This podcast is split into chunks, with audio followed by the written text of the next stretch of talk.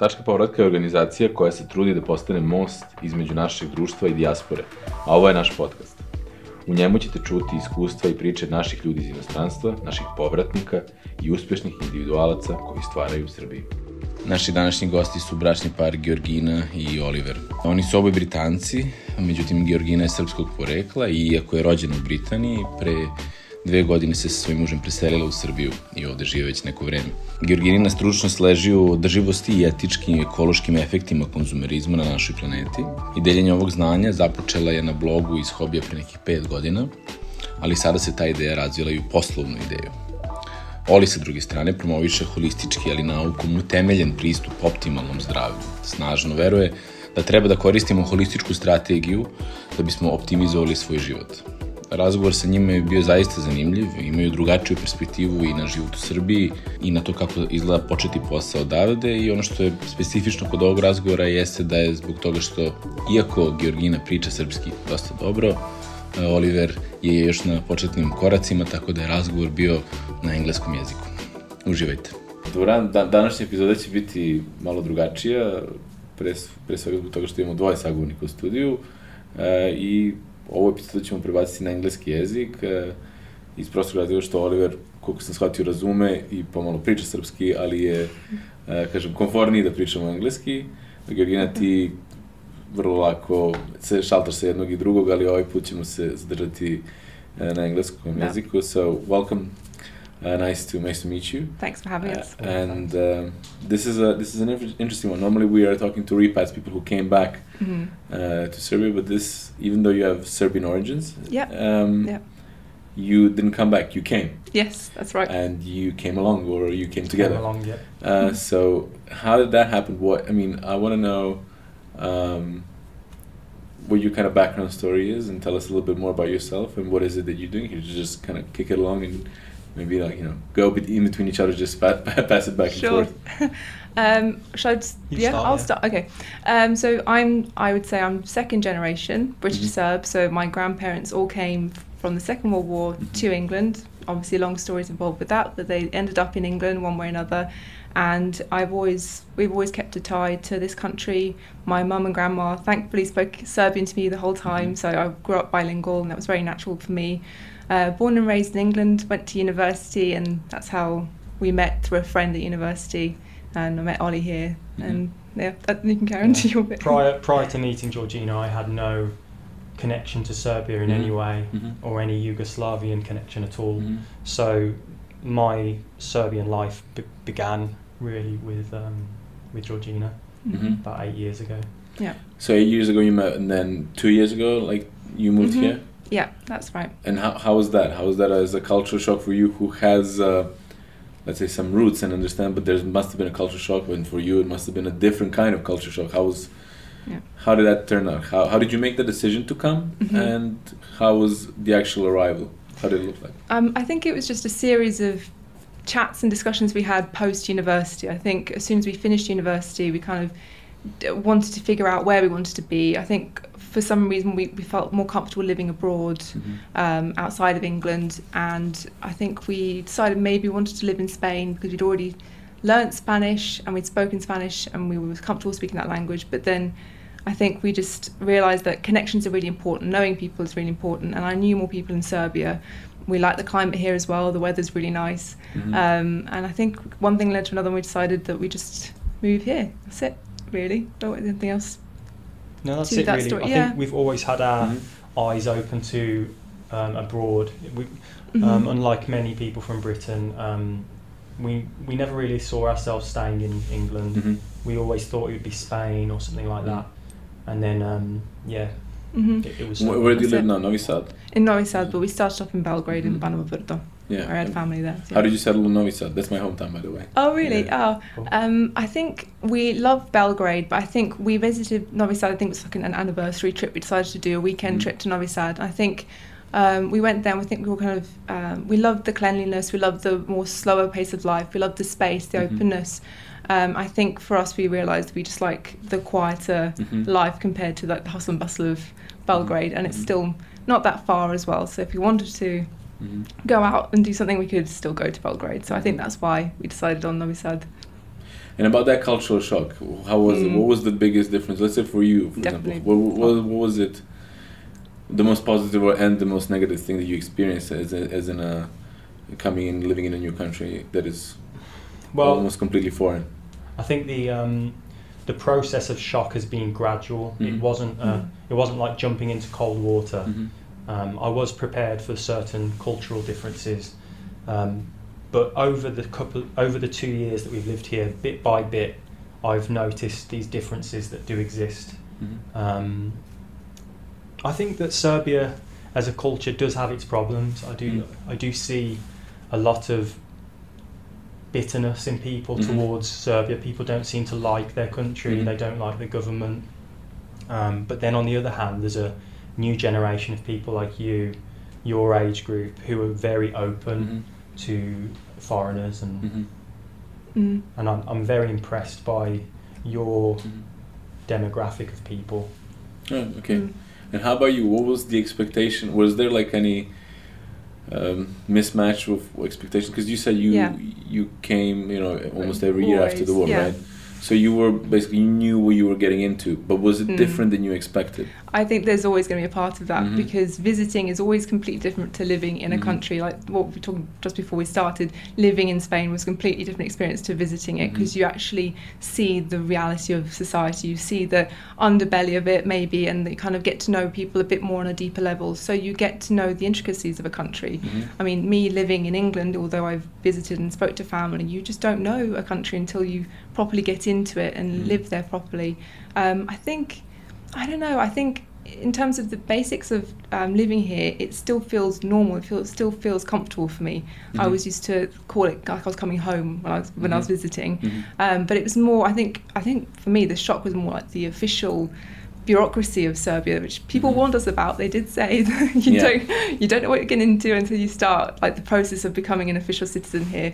Um, um, and you're missing one paper. Yeah, like yeah, yeah, exactly. You talk to three different people, they all confirm the same thing, and then you get to the fourth person, they're like, no, no, that's not that's not how you do it, yeah. and you start from scratch. But that's like a tiny portion of living here in comparison. Mm-hmm. Yeah. Uh, so, what is it that since you're coming from from from Britain and what is it that you professionally do? Can you tell us a little bit more about the project you're involved with, mm-hmm. uh, and how does it differ setting up a business here versus setting up a business somewhere else? Like, can you walk us through your personal experience of what is it that you do and how do you uh, operate uh, your business from here? Yeah.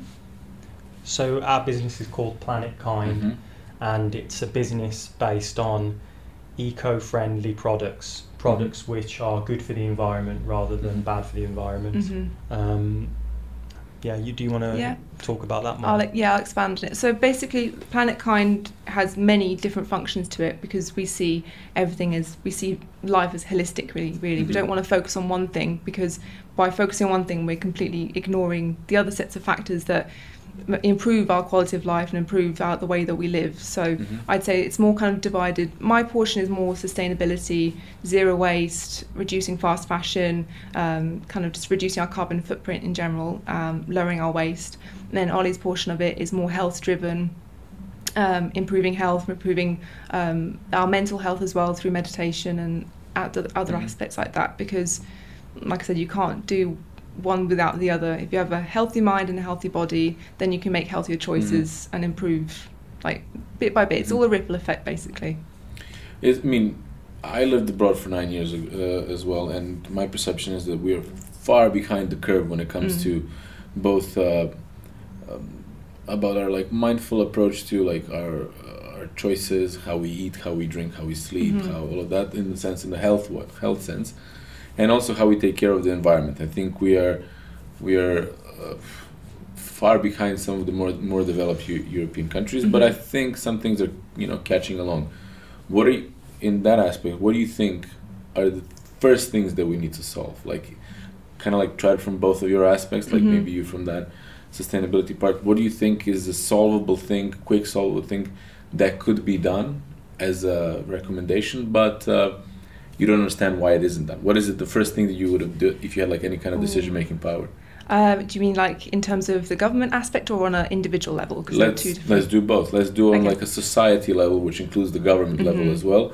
or an individual? Like, how do you you not understand individual uh, habits of some people? Like, what yeah. is it? Do let's let's cover let's, both. Let's do both. Okay. So on an individual level, I'd say waste is probably one of the biggest problems. Mm-hmm. But then waste covers so many aspects. Includes plastic, includes um, car usage. It uses it includes the food that we eat as well. So I'd say reducing animal um, product consumption mm-hmm. as well. So we're both plant based diet because that's a mm-hmm. massive way to reduce our carbon footprint. Um, reducing the plastic consumption is huge simply by not using a plastic bag and just using a reusable bag and then maybe not buying not supporting fast fashion as well it's like I don't know something along the lines of 10% of carbon footprint comes from fast fashion mm-hmm. industry for example so buy secondhand instead of new basically mm-hmm. um, in terms of the government that's always going to be more complicated because people have their own ideas of what they want and it's usually a short-term solution rather than seeing mm-hmm. things long-term um, redu- reduction of coal is obviously a big mm-hmm. one, and obviously Serbia has a big problem with mm-hmm. that, especially with the pollution in Belgrade. Um, I think also, oh yes, I think another thing, uh, trees as well mm-hmm. is a big one. We have to offset our carbon somehow, mm-hmm. and at the moment there seems to be a bit of a struggle with cutting down of trees, especially in um, mm-hmm. at the moment. So I think if the government can implement some kind of reduction of coal usage and influence like influence more renewable, renewable energy and more planting of trees, that would be a good step in the right direction at the very least. Yeah, for example, because you, you, live in Vojvodina and so do I. Mm-hmm. You know that's one of the least. Uh, yeah. uh, how do you say? Not uh, not populated, but least uh, forested uh, mm-hmm. areas of Europe. Yeah. It's like because because there's a lot of agricultural land, which yeah. makes sense as well, but uh, that's one of the big issues. I actually used to have a, an initiative. It's called Arbor Bracelet, where we planted a tree for every bracelet purchased. That's good. Yeah, that's so great. we like made managed to plant uh, about two thousand trees. It wasn't too bad. It wasn't a lot, but it wasn't. It wasn't little. It's something. It's something. Yeah.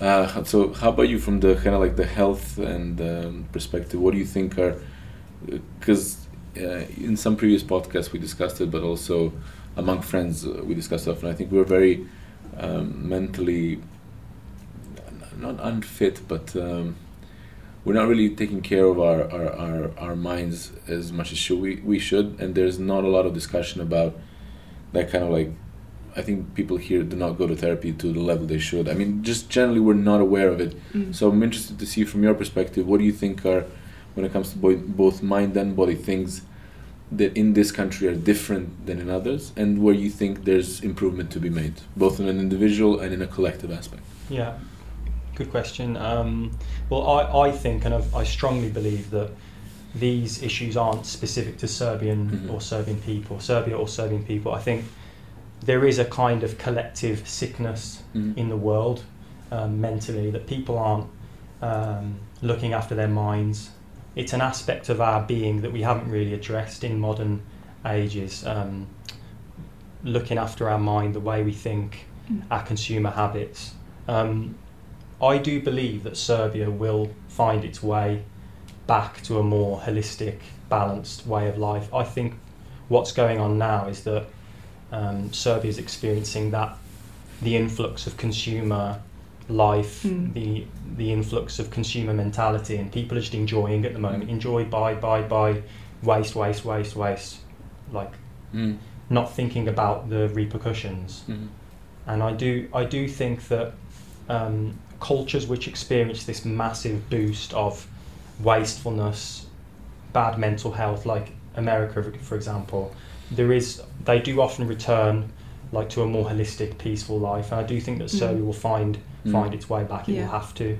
Mm-hmm. What we've noticed that uh, it's a good thing you mentioned in America because you kind of reach to the extremes of capitalism and re- people realize that the physical consumerist aspects of life doesn't mean that you're happy mm-hmm. basically because like in capitalist society you see buying this will make me happy it's like uh, uh, you buy one thing and that means i am guaranteed to mm-hmm. be happy all day but that buzz wears off and when people keep buying things trying to find that fix that kind of never ending black hole mm-hmm. and you know once you get to that extreme of capitalism like america and england people then try and look for answers elsewhere so buying that new car hasn't made me happy what is going on and then they start going into the root of it like through meditation or cleaner eating or minimalism and mm-hmm. things like that. And I think Serbia hasn't gotten to that extreme level of capitalism yet, and maybe it never will, which I hope. Mm-hmm. And it can find that more of a middle ground where you can enjoy life through you know enjoy like through experiences and still look after your mind you don't mm-hmm. have to go to that eh, like extreme level in order to find that level of happiness mm-hmm. so how, how will planet kind address these problems how does how do you uh, how do you yeah just how do you address these problems how would you from your you know business or initiative uh, perspective uh, tackle this I think from uh, our perspective, we wanted to start simple. We wanted to sell the zero waste products mm-hmm. and start small. So there's already a seed planted in mm-hmm. society. We've noticed through Instagram, through social media, that young people in particular are really looking like they're desperate for this. Uh, these products they want to take charge of lowering their waste for example but they don't have the capacity to do it so at the moment it's just mm-hmm. talking and forums and stuff like that um, from there i feel like this where the seed planted you can start expanding. So you, I want to do lectures, workshops, teaching people, giving them practical advice with how they can reduce the amount of consumerism and giving them tools and how they can reduce their waste, etc. And then Ollie's part is a different side as well. Yeah, my, my part of Planet Kind is more focused on the individual, how each and every person, mm-hmm. like you for example, how can you go within and think, how am I consuming, how am I affecting my own body and how am I affecting the the world around me? Mm-hmm. Um, be it gone. So is it through like lectures or like through like phases through how uh, walking through the process of if I was to apply and you were to walk me through it, how would that how would that function? Well, it would probably be um, a scenario very intimate sessions mm-hmm. where you would come and spend time in wherever I'm based, mm-hmm. and we would live together or mm-hmm. um, have some kind of um, retreat together where we mm-hmm. discuss mm-hmm. everything from meditation to the food we're eating, um, anything that can elevate us, mm-hmm. make us mm-hmm. better people, mm-hmm. make us um, better functioning people. Yeah. It's uh, we were discussing before we started filming is, is because of this um, health aspect of it, and a lot of Serbians are fans of of the Premier League. You said you worked with uh, a Premier League club at one point in your life, and uh, kind of like using that holistic approach and uh, enhancing the performance of some of the players. Could you tell us a little bit more about about that aspect as well? Yeah. Um, How you using that experience? Also, probably now in the career, but where is it based? That experience, if you can tell us a little bit. Yeah, I um, I worked with Wolverhampton Wanderers, mm-hmm. and I know that a lot of um, Serbs mm-hmm. know Wolves because of yeah. Nenad Milijaš yeah, playing yeah. for them. Um, yeah, I worked with Wolverhampton Wanderers. Um, using a holistic approach to make players perform better, mm-hmm. increasing their mm-hmm. um, oxygen in their bloods, um, the food they're eating. So could you tell us yoga. an example if you remember like a particular player? You don't have to name him or anything, but like how would you? What are the techniques? What did you use with that particular player to increase the oxygen level in his blood, or to like I don't know increase the stamina or whatever you More specific things. Yeah, like just like pick, pick a drill that you walk secrets. with. Yeah, let me tell you my secrets. Okay, one maybe one small one. Well, there are, health is endless, and um, certain breathing techniques to increase mm-hmm. the oxygen and decrease the CO two mm-hmm. in the mm-hmm. blood. Um, I, went, I used to go shopping with the players mm-hmm. to tell them, okay, buy this food, it will help you digest food quickly on a match day. Mm-hmm. You'll be able to run faster, not feel heavy. Mm-hmm. You know, sometimes you eat and you mm-hmm. just feel heavy. Um, what are the things? We did yoga to mm-hmm. increase their subtlety, mm-hmm. um, flexibility. Um, mm-hmm. because or the tendons, yeah, or the, the, the tendons yeah. and the ligaments, yeah. Because recovery now in, in elite sport is so important. Because they play almost back to back all yeah. the time. Yeah. So there's yoga, there's stuff like that.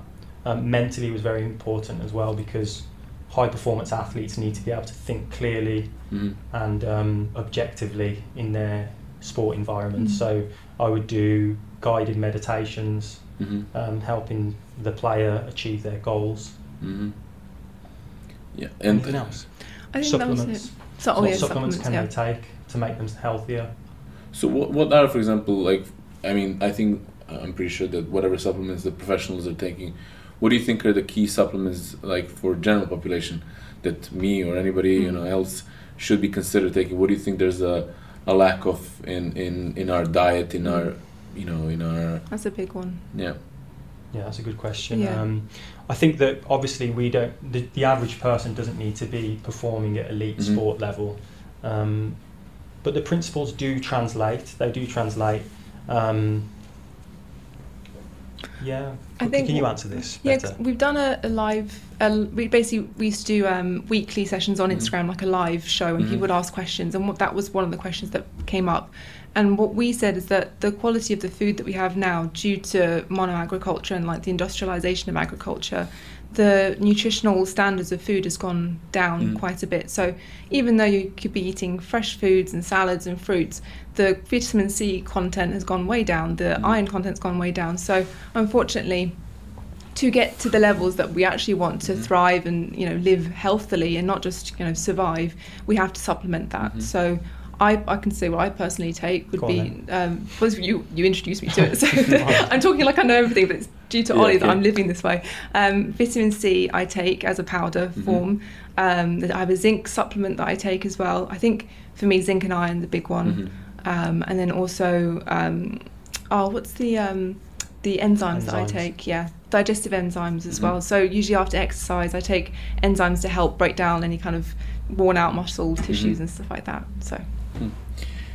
I have a question that's maybe a little bit it's a little bit interesting, but a lot of, uh, we've speak, spoken to a lot of people from the our diaspora who are now uh, considering coming back to Serbia after you know this whole coronavirus situation. It's a little bit tricky because mm-hmm. a lot of people can work from home. A lot of people are like um, rethinking their life choices, anyways. Uh, so I wanted to ask you, in that perspective, how has coronavirus affected you guys? Um, has it affected you at all? Mm-hmm and uh, what do you think? Um, is this fertile ground, the post-corona, or, or actually during the corona uh, virus pandemic? Is this a, fertile ground for some change? Because w- what seems to be happening with coronavirus, people who have stronger immunities are actually way better off than people who don't have strong uh, stronger immunities when it comes to dealing with the virus if infected. So, you, do you think this is fertile ground for changing the narrative and thinking about our health and Definitely. how we consume and everything like so what, what, from your angle what has changed what will change what are mm-hmm. your uh, um, predictions just if you can t- elaborate a little bit more on that yeah I've, we've talked to my parents quite a lot about it and comparing our situations mm-hmm. in england because they're still living there to here and i think because it's a global pandemic there are still connections between all of us. Well, there are similarities in our situations. So for us, we just as we were starting Planet Kind in our business, mm-hmm. it just stalled completely because we couldn't do anything. So we were kind of we've been in limbo for quite a while because of it.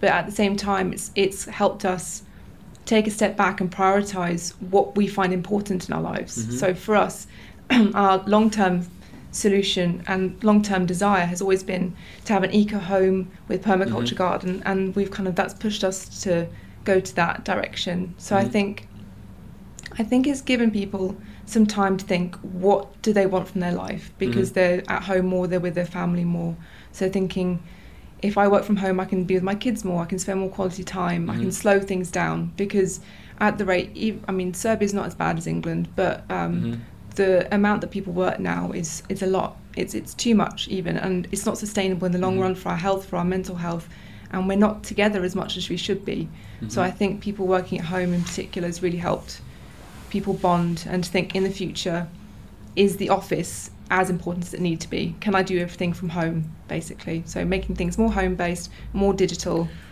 I think that's going to be a big one mm-hmm. because I've noticed um, the majority of us and my colleagues uh, work from home now, and there's this kind of like aspect that we are missing a little bit the office because mm-hmm. that's a permanent space that you kind of it's like it's also like a mindset that you go there to yeah. work and then you leave and you kind of can leave stuff there whereas even though I've been a digital nomad in a way for a long time during the coronavirus uh, lockdown I was struggling because there was no working hours, there was no home mm-hmm. hours. Everything was just one big mash of everything, and uh, for the first time in my life, I start, started missing an actual office.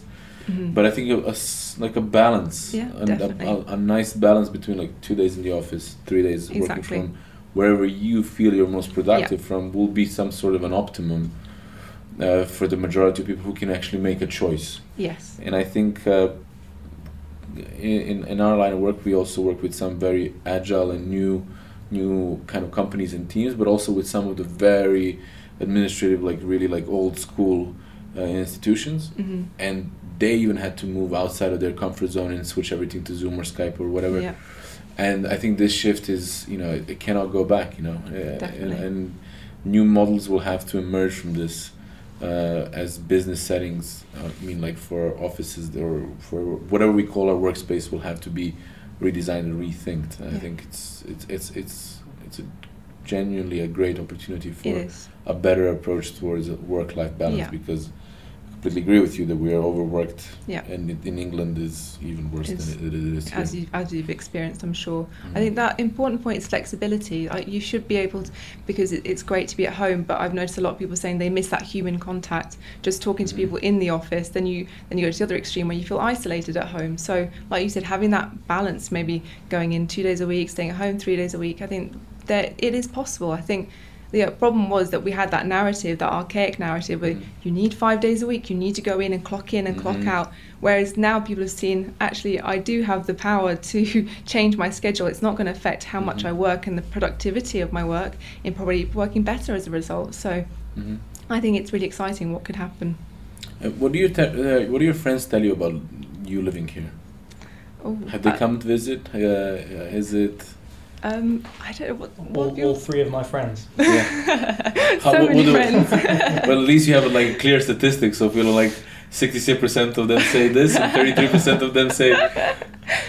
Um, I think people are quite impressed, Yeah. to be honest. Um, people generally seem to be like, "Wow, you're doing something brave, like going to another country and living there." And yeah, I think people are quite impressed. I think from the get go, we were kind of always wanting to push to go abroad anyway, so it wasn't sup- it wasn't a surprise. I think more the location was Yeah. a surprise, um, but I think we get more questions from people in Serbia than actually from England. Everybody in Serbia always asks, "Why are you? Why Yeah. are you here?" it's the first thing. First That, thing. yeah, that's I know that's the Mm. first thing, and that's one of the first things we're trying to to to tackle and to you know because we we I firmly believe that it's completely normal to leave, you know, go study or work abroad.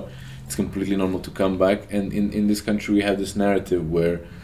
Um, it's almost celebrated as a victory when somebody leaves, and then you know acknowledges a defeat when somebody comes back. It's like the first question is the first question I always got is why did you come back? And, you know, Mm.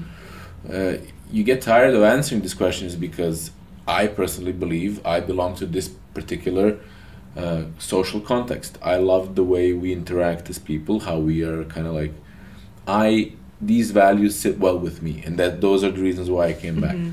And having constantly to, explain that, it's one of the reasons that it gets a little bit, you know, annoying at times. But um, one of our mission, uh, one of one of our missions is actually to, to tackle that and to to say it's a completely normal to leave. It's completely Yeah. normal to come back, and I uh, completely believe that this is the the first question people ask ask you. But can you help me out? What is what is it that you tell them? How do you answer them? I don't know. I think it depends on the person. I, how how polite I am. Okay. Like, um, I don't know. I think what it is a difficult one because there was for us it wasn't a clear cut decision to come here anyway. It wasn't just one day I said okay we're going to go here. Um, You, I don't you know. having your family here has always yeah, been I think an so. easy access. Mhm. Yeah, that's the easiest way to say it basically because that gives more of a reason. You speak the language, Yeah. you know the culture, you have lots of family in the Belgrade and Zemun region. Mm-hmm. It That's was always an easy option for us. Mm-hmm. Yeah, But I think, I think Serbian people generally have a ne- like you just said they have a negative view. Mhm. Those who go out they applaud, Mhm. Yeah. and those who come back they're like you failed. Yeah, and that's why? that's a problem. Why do people It think is. that way? Mhm. Why do you think people think that way? Uh, I think there's several reasons. I think it's a very complex issue. Uh, our recent history kind of like gave us a setback. Like our 30 year uh, history gave us some sort of a setback w- with, with catching up with the rest of the world. And you know, Yeah. you have to be objective. The salaries are better somewhere else. Uh, Yeah. You know, there's a bigger chance to access the market if you're working from a country that's in the EU. Uh, your access is 600 million people on the market, not 7 million people like here. There's a lot of objective reasons, but uh, there are also some of the subjective reasons because uh, you know there's always that. Uh, I currently live in a small village. Like I've decided to literally live in a village. Mhm. Um, for a few years, I operated a, a project called Mokrin House, uh, which is basically like a destination for digital nomads set in a very rural setting, but it's a very modern modern design place. So I've noticed that trend is people want to literally sell the land that they have in the village. So they could buy an apartment in, Mel- in Belgrade or Novi Sad, yeah. and um, they work some normal jobs where they can't. They're making like a regular salary. They could live much better in the countryside, mm-hmm. both financially and within their communities. Mm-hmm. But there is some sort of social reward of people perceiving you, you left the village in order to live the town, uh, yeah. live in the town. There's also the same social reward for people who are people are more praised for living abroad. There's some sort of a social dynamic mm. that is a little bit you know, in other countries it's not like that. People who are, have money and wealth, they return to the village and live in some sort of comfort in that particular aspect. So I think that's that's a paradigm shift we need to make. Definitely. Because you should be able to make your choices based on whatever you feel like you, yeah. where you belong, and there shouldn't be such a social stigma attached to it. If you want to live in Sweden for the rest of your life, that's completely fine. That should be the way it is. But if you come back, you shouldn't have to tackle that as well fighting the whole society Definitely. why you decided to come back and explaining what yeah. your choices are and uh, i think open dialogue about it and actually speaking to people like you and people who have come back like like me that you know everything is fine you know you have come here for the first time to live here and that's normal and with that being said what are your plans do you plan to live here live here long term do you plan to move out i mean because all these things for me seem like a normal kind of discussion question. Yeah. So, what are your like future plans? Where do you see yourselves in five years? Ooh, I think I think with stuff like that, we always keep an ongoing discussion. That's always important mm-hmm. because our life, we want our lives to be fluid and, and go with what we feel like is important at that time. But in terms of us, if everything goes well, we still want to live here long term. We are planning mm-hmm. to put down roots here. We're, I think, I think what people want to see if you're coming into this country they want to see you're serious about living here and mm-hmm. we are serious about living here we want to make a, an impact because with planet kind it's a company not a standard company we actually want to make a positive change we don't want to just sell stuff we want to sell stuff that makes a difference mm-hmm. and why not do it here in serbia why not make a difference and help change society just a little bit even if it's a little bit just do something mm-hmm. Um, so I, I personally see, um, see, myself here the next 10 years, like if, mm-hmm. if all goes well, like touch wood. Yeah. So I can't speak for Ollie, but yeah, same, a, same yeah. but there's no reason to move right now. Just set mm-hmm. up a business. Just set up, yeah. Um, everybody's in the same boat with regards to the coronavirus situation, so mm-hmm. see how it mm-hmm. goes. Yeah. So, and with regards of the plans for Planet Kind, uh, is it the idea to um, let's talk about the products, for example, that you mm-hmm. want to choose. Are they going to be locally sourced here or globally locally sourced? How are you positioning yourself? And also, if you can say, where can people find you? Just like you know, like a link or something that mm-hmm. we can mm-hmm. kind of put it put below. Where where can like find you on Instagram or Twitter? yeah, yeah. Um, so basically, we want to do both. We in terms of the zero waste products, uh, the main mm-hmm. ones like for example, like reusable stainless steel bottles. Um, organic cotton reusable bags those are not currently made in Serbia mm-hmm. so they have to be global so wherever the best quality products are we will search and find them ourselves um, but we also want to focus on local Serbian mm-hmm. businesses mm-hmm. that also promote zero waste living for example I don't know beauty products like soaps um, creams that sort of thing and also European products that do zero waste and vegan beauty which mm-hmm. I think is really hard to find here in Serbia so again, it's whatever the best products are, but it's both. It's abroad and here mm-hmm. as well. So on that, you're on our website, you can find it's www.planetkindeco.com, mm-hmm. and then I think on Instagram it's the same Planet Kind Eco mm-hmm. as well. Um, mm-hmm. but that's at the moment it's on a boat coming here because due to the coronavirus again, it's um, it was stalled for a long, long time. So we bought this all the way back in, in May, mm-hmm. all our products, but it's only just gotten going. But it's like with everyone, it's mm-hmm. been on pause, but now we're just getting going. When are you hoping to restart, like to fully push it? When do you think it's going to be the delivery date? And um, well, it's been like uh, about a few weeks now, so hopefully by October everything yeah. should be get going. Products, we want to have the products ready yeah. um, soon. Yeah. Mm-hmm. And if anyone wants to contact me and reach out and um, live with me in a shack and meditate like a monk, then where is, where is the shack? Well, we're not sure. okay, okay.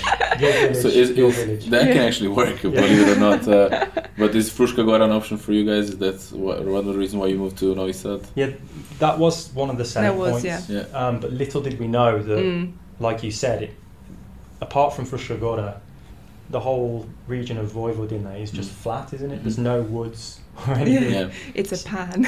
it's a pan, yeah. yeah. Mm. So yeah. I think um, what we found anyway with Fruška Gora that the prices have gone up quite yeah. a bit. So it's feel people are realizing that living in the cities is not as uh, exactly appealing that, anymore. Yeah, that shift is happening. We're already seeing it that people, because of the maybe digitalization of work, people are able to work remotely, so they don't have to live in cities anymore. So Fruška Gora, what we've noticed is for young people like us, the price is elevated. So we've been looking mm-hmm. just a bit further, but something still connected to the city. But again, we're flexible wherever wherever the wind takes us, I guess. Are there any elements in your life which you, this situation has forced you to question um, whether it's sustainable and whether you can become more um, self self dependent? What's the word? Yeah. Self sufficient. Self sufficient. Yeah. yeah.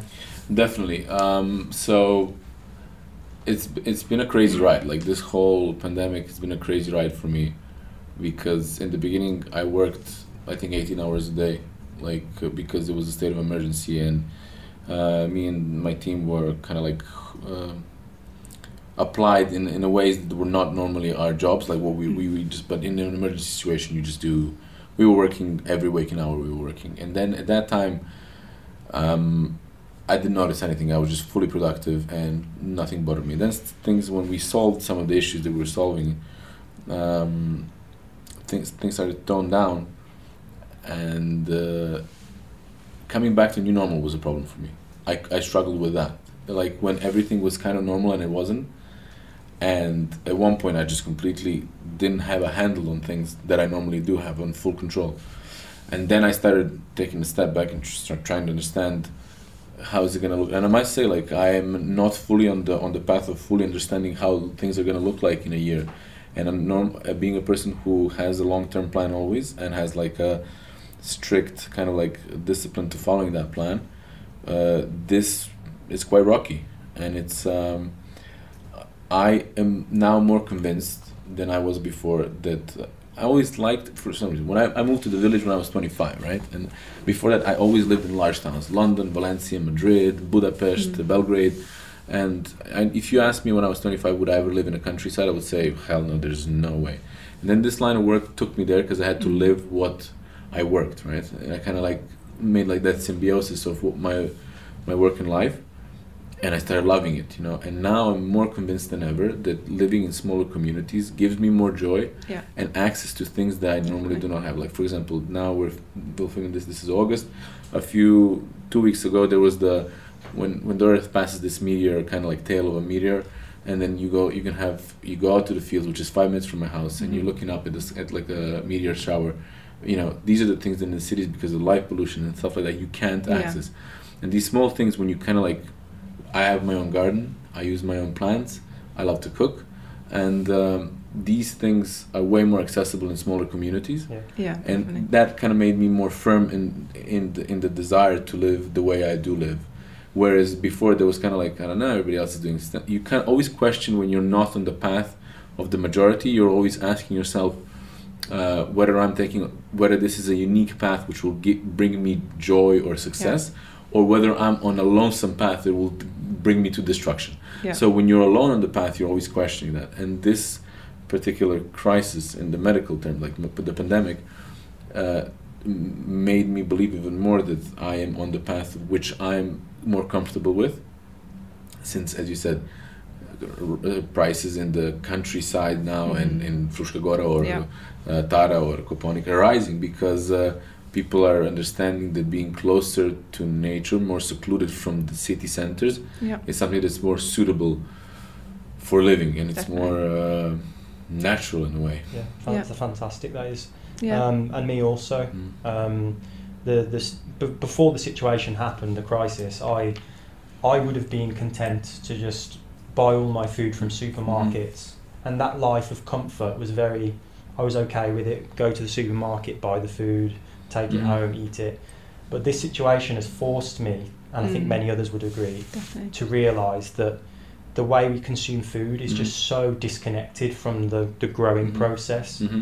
Like we we're completely disconnected from our food. Mm-hmm. Yeah. Um, so for me, it's it's um, like you said, it's kind of firmly established the realization that mm. I have to start growing my own food. Mm-hmm. I have to start to learn that because yeah. if the supply chain fails. Fails. Yeah, yeah we, we're all That's screwed. it. And that's yeah. a long term goal as well to be self sufficient exactly the yeah. same way. We don't want to rely on anyone uh, long term, obviously, mm-hmm. can't do that all, mm-hmm. all in one go. We want to have our own renewable energies, solar, hydro, everything like that, mm-hmm.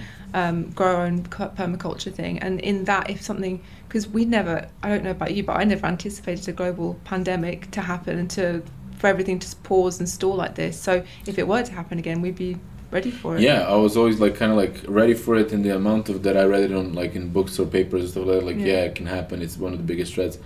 But you know, if someone, for example, told me in February that there's going to be a police curfew and that I will follow yeah. it, I'll be like, "There's no chance in the world.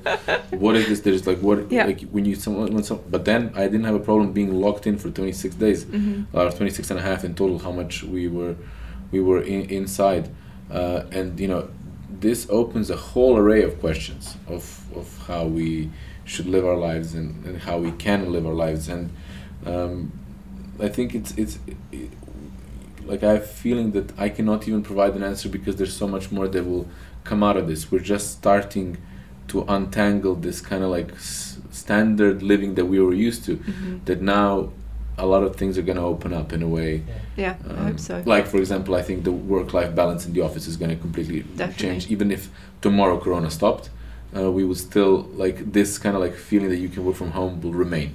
Yeah. And I think it will be very hard to push people back into offices full time.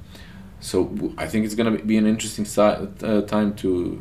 There's a proverb actually. I think it's a Jewish proverb saying that uh, "May you live in interesting times," where it's like uh, these are always this is kind of like a proverb and a curse because when you live in interesting times, a lot of bad things and good things yeah. happen. So it kind of like, and I think we're living in very interesting times. If you look in the last six months, Jesus, what happened? Like I know it's one thing after another, but yeah. I think it's good like doing this what we're doing now, being vocal about it and talking mm. about the changes we want to see in society is so important yeah. because verbalizing it is the first step before action. We're and even if we don't have reality. the answers, yeah. Yeah, exactly. Because we're talking here, we we've got a level of privilege to be able to mm. sit back and discuss mm. this. We can't we can't d- negate all the privilege to be able to come from another country and come here to Serbia.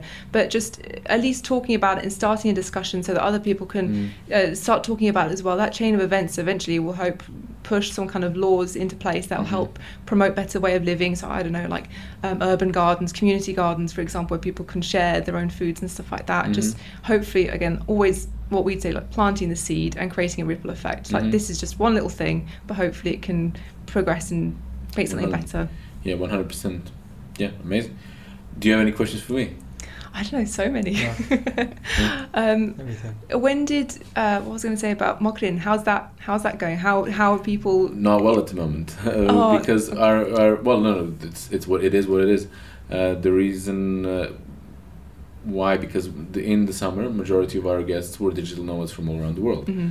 and we kind of had the, these three kind of main things individuals from all over the world team buildings and retreats and mm-hmm. then uh, we did about 150 events for the local community each year. So it's like kind of these like you know programming classes, uh, you know. Um, like archery classes, dancing classes, like. Uh, like, no, like a lot of things, like a whole array, like movie nights, uh, mm-hmm. theater plays, like you know, it's it's a whole array of things, and none of this can actually happen now. So then, we kind of like lost all the three elements. It showed that we, mm-hmm. at this particular moment, were not not really resilient yeah. to this particular crisis. So. Um, in that aspect, uh, per se is not doing uh, well in that uh, in that setting. But you know, it is what it is, and the thing is, there is going to have to be a pivot.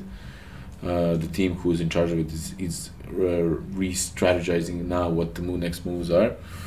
Uh, but yeah, they will they will have to. I think in a way, it now looks bad, but it, it's an opportunity for something good to come out of it. Yeah. Uh, so we will see we'll see how that will pan out but I, uh, I think it was the same with us because a large aspect of what we wanted to do was like person to person interaction in terms of like having workshops and stuff like that and meeting lectures I think just as the uh, pandemic happened I had planned to do a workshop mm-hmm. to create make reusable bags for people and that completely stopped mm-hmm. um, so uh, but then um, at least we have the ability of what we're doing to be able to go digital and IT mm-hmm. that side, side of things so we can survive for now but mm-hmm. hopefully that human interaction will come back at some point because that is a huge element that I think that makes yeah. it important. We also tried this podcast to do it online, you know, like mm. and it's uh, it. We had really good speakers, and it, I think it went okay. But there's nothing that can substitute this personal yeah. connection with with people. Just completely different. Yeah, it's okay to do it from time to time in a sense to. Uh, you know, basically to give information to someone. But in order to have a real conversation, human beings are you know meant to communicate yeah. that in, in, on on a level that's not only verbally, it's also like the whole you know body energy and it mimics like everything that you're doing.